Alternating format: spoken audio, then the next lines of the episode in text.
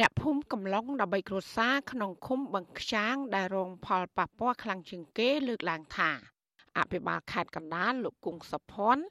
នៅតែផ្ដល់ជំរើសដោះដូរដីទៅទីតាំងផ្សេងឬក៏លួចដីឲ្យក្រុមហ៊ុន ក្នុង1ម៉ែត្រការ៉េ8ដុល្លារជាច្រើនដងមកហើយប៉ុន្តែប្រជាប្រដ្ឋបដិសេធមិនទទួលយកដំណោះស្រាយនេះទេ ចាប់បរដ្ឋម្នាក់ដែលមានផ្ទះរួមនិងដីជាង1ហិកតាត្រូវកាត់ចូលទៅក្នុងប្លង់ពលានយន្តហោះរបស់ក្រុមហ៊ុន លោកណៃផុនថ្លែងថាជីវភាពរបស់ប្រជាពលរដ្ឋនៅតំបន់នេះគឺរស់នៅអាស្រ័យនឹងការធ្វើស្រែពីមួយឆ្នាំទៅមួយឆ្នាំហើយបើឲ្យពួកគាត់លក់ដីស្រែក្នុងតម្លៃថោកបែបនេះហើយដើរចេញទៅរកទិញដីនៅកន្លែងផ្សេងគឺមិនបានឡើយពីព្រោះថាតម្លៃនៅពេលបច្ចុប្បន្ននេះគឺថ្លៃច្រើនជាងអ្វីដែលក្រុមហ៊ុនផ្ដល់ឲ្យ។ ចាលោកបន្តថាចំពោះការដោះដូរដីទៅទីតាំងផ្សេងអាជ្ញាធរហាក់គ្រាន់តែលើកឡើងតែមាត់ប៉ុន្តែទីតាំងនិងប្លង់ត្រឹមត្រូវដែលបញ្ជាក់ពីដីទាំងអស់នោះ គឺមិនដែលបង្ហាញឲ្យប្រជាប្រដ្ឋឃើញម្ដងណាឡើយ ចាលោកក៏បានឲ្យដឹងផងដែរថាក្នុងរយៈពេលជាង3ឆ្នាំមកនេះ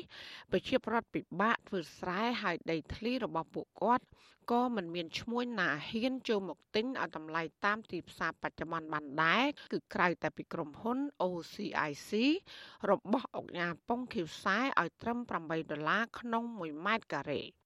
លោកយកឃើញថាប៉ះសិនបើខាងក្រុមហ៊ុននៅតែចង់បានដីរបស់ប្រជាពលរដ្ឋយកទៅអភិវឌ្ឍនោះលុះត្រាតែក្រុមហ៊ុនហ៊ានទិញដីប្រជាពលរដ្ឋក្នុង1ម៉ែត្រការ៉េ150ដុល្លារទៅពួកគាត់យល់ព្រម និងឈប់ធ្វើការតវ៉ាតទៅទៀត អំពោឲ្យប្រមុខរាជរដ្ឋាភិបាលដូចជាសម្ដេចអគ្គស្នងស្ដីតេជោហ៊ុនសែននឹងសូមឲ្យលោកចេញលិខិតមួយអីចឹងមកថាសម្ដេចពេញចេញពីមាត់គាត់ផ្ទាល់មកហើយមានគណៈកម្មការរបស់លោកជាសភារាជាអីហ្នឹងឲ្យពិតប្រកបមកហើយកុំនៅតែត្រឹមខែខែមកហើយពួកខ្ញុំមានមិននៅមន្ទិលសង្ស័យឲ្យតម្លៃ ហើយគាត់ឲ្យ8ដុល្លារហ្នឹងវាបាទបើពួកខ្ញុំបើយកមកអត់មានតែទិញដីទិញអីណាប្រកបកាត់ផលបានទេមានយកលុយមកទិញកហូបហើយអស់លុយហ្នឹងដីស្លាប់ព្រោះមុខរបរអត់មានទេបើអាយុ50ជាង60ឥឡូវហើយហ្នឹងហើយចេះធ្វើអីហើយកូនទៅអាយុ5 10ហ្នឹងវាធានាដល់កូនទៅបើកូនរៀនអត់កើតអីអត់មានលុយរៀនមានអី ចាស៊ីស្រីមិនអាចសុំការឆ្លើយតបរឿងនេះពីអភិបាលខេត្តកណ្ដាលលោកគង់សុភ័ណ្ឌបានទេ នៅថ្ងៃទី15ខែមិថុនានេះដែលហៅទូរស័ព្ទចូលតែលោកមិនទទួលទោះបីជាយ៉ាងណាលោកគង់សុភ័ណ្ឌធ្លាប់ប្រាប់អធិស្រីកាលពីពេលកន្លងទៅ ថានៅសល់តែបរិវត្តតិចតួចប៉ុណ្ណោះដែលមិនព្រមទទួលយកសំណងតាមតម្លៃដីដែលបានដាក់ចេញមុនពេលមានគម្រោងអភិវឌ្ឍ ចាលោកក៏បានបញ្ជាក់ថាអាញាធននឹងខិតខំដោះស្រាយជាមួយនឹងប្រជាពលរដ្ឋតទៅទៀត ចាតតងបញ្ហានេះអ្នកសម្របសម្រួលគម្រោងធុរកិច្ចនិងសិទ្ធិមនុស្សនៃមជ្ឈមណ្ឌលសិទ្ធិមនុស្សកម្ពុជា លោកវ៉ាន់សុផាតលើកឡើងថាអាញាធរខេត្តមិនអាចចេញមុខសម្របសម្រួលដោះស្រាយបញ្ហាដីធ្លីស្របទៅតាមការចង់បានរបស់ក្រុមហ៊ុនហើយបែរជាផ្ដោតសំណងមិនសមរម្យឲ្យប្រជាពលរដ្ឋទៅវិញ លោកបន្តថាអាញាធរនិងរដ្ឋាភិបាល មានកាតព្វកិច្ចធានាដល់ភាពសុខដុមរមនារបស់ប្រជាពលរដ្ឋដោយគិតគូរផ្ដល់សំណងជូនពួកគាត់ឲ្យបានសមរម្យនៅពេលដែលរដ្ឋឬក៏ក្រុមហ៊ុនឯកជនណាមួយចង់យកតំបន់ដែលពួកគាត់រស់នៅ ទៅធ្វើការអភិវឌ្ឍ ចាលោកយល់ឃើញថាបើមិនមានដំណោះស្រាយល្អប្រសើរជូនប្រជាប្រដ្ឋទេរដ្ឋាភិបាល នៅតែមានឈ្មោះមិនល្អលើឆាកអន្តរជាតិក្នុងរឿងរំលោភសិទ្ធិនោះហើយខាងក្រុមហ៊ុនវិញក៏នឹងអាចជួបហានិភ័យនៅពេលណាមួយដោយសារតែវិនិយោគបរទេសមិនហ៊ានរកស៊ីជាមួយពីព្រោះក្រុមហ៊ុនមានប្រវត្តិមិនល្អ ហានិភ័យហ្នឹងគឺវាជាការទទួលខុសត្រូវមួយរបស់រដ្ឋាភិបាលក្នុងការបញ្យល់ក្រុមហ៊ុនហ្នឹងមិនមែនរដ្ឋាភិបាលហ្នឹងត្រូវទៅលើកទឹកចិត្តឲ្យក្រុមហ៊ុនហ្នឹងធ្វើអាបញ្ហាដែលពាក់ព័ន្ធនឹងការរំលោភសិទ្ធិមនុស្សហ្នឹងទេបើធ្វើអញ្ចឹងទៅឃើញថាអាហ្នឹងរដ្ឋាភិបាលគឺអត់មានការទទួលខុសត្រូវជងទៅតាមអដែងគោលការណ៍ណែនាំរបស់អង្គការសហជាតិស្តីពី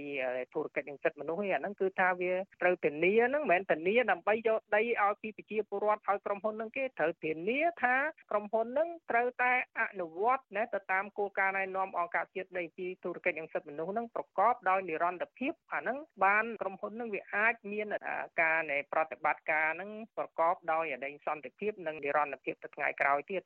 ចាគម្រោងអភិវឌ្ឍពលានយន្តហោះថ្មីលើផ្ទៃដីជិត3000ហិកតានេះគឺមានភាពចម្រូងចម្រាសតាំងពីដើមមកដោយសារតែអាជ្ញាធរបានកំណត់តម្លៃដី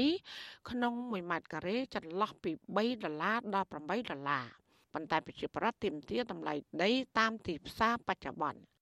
ចាគម្រោងនេះលាតសន្ធឹងលើឃុំចំនួន4គឺឃុំបឹងខ្យាងឃុំអំពៅព្រៃ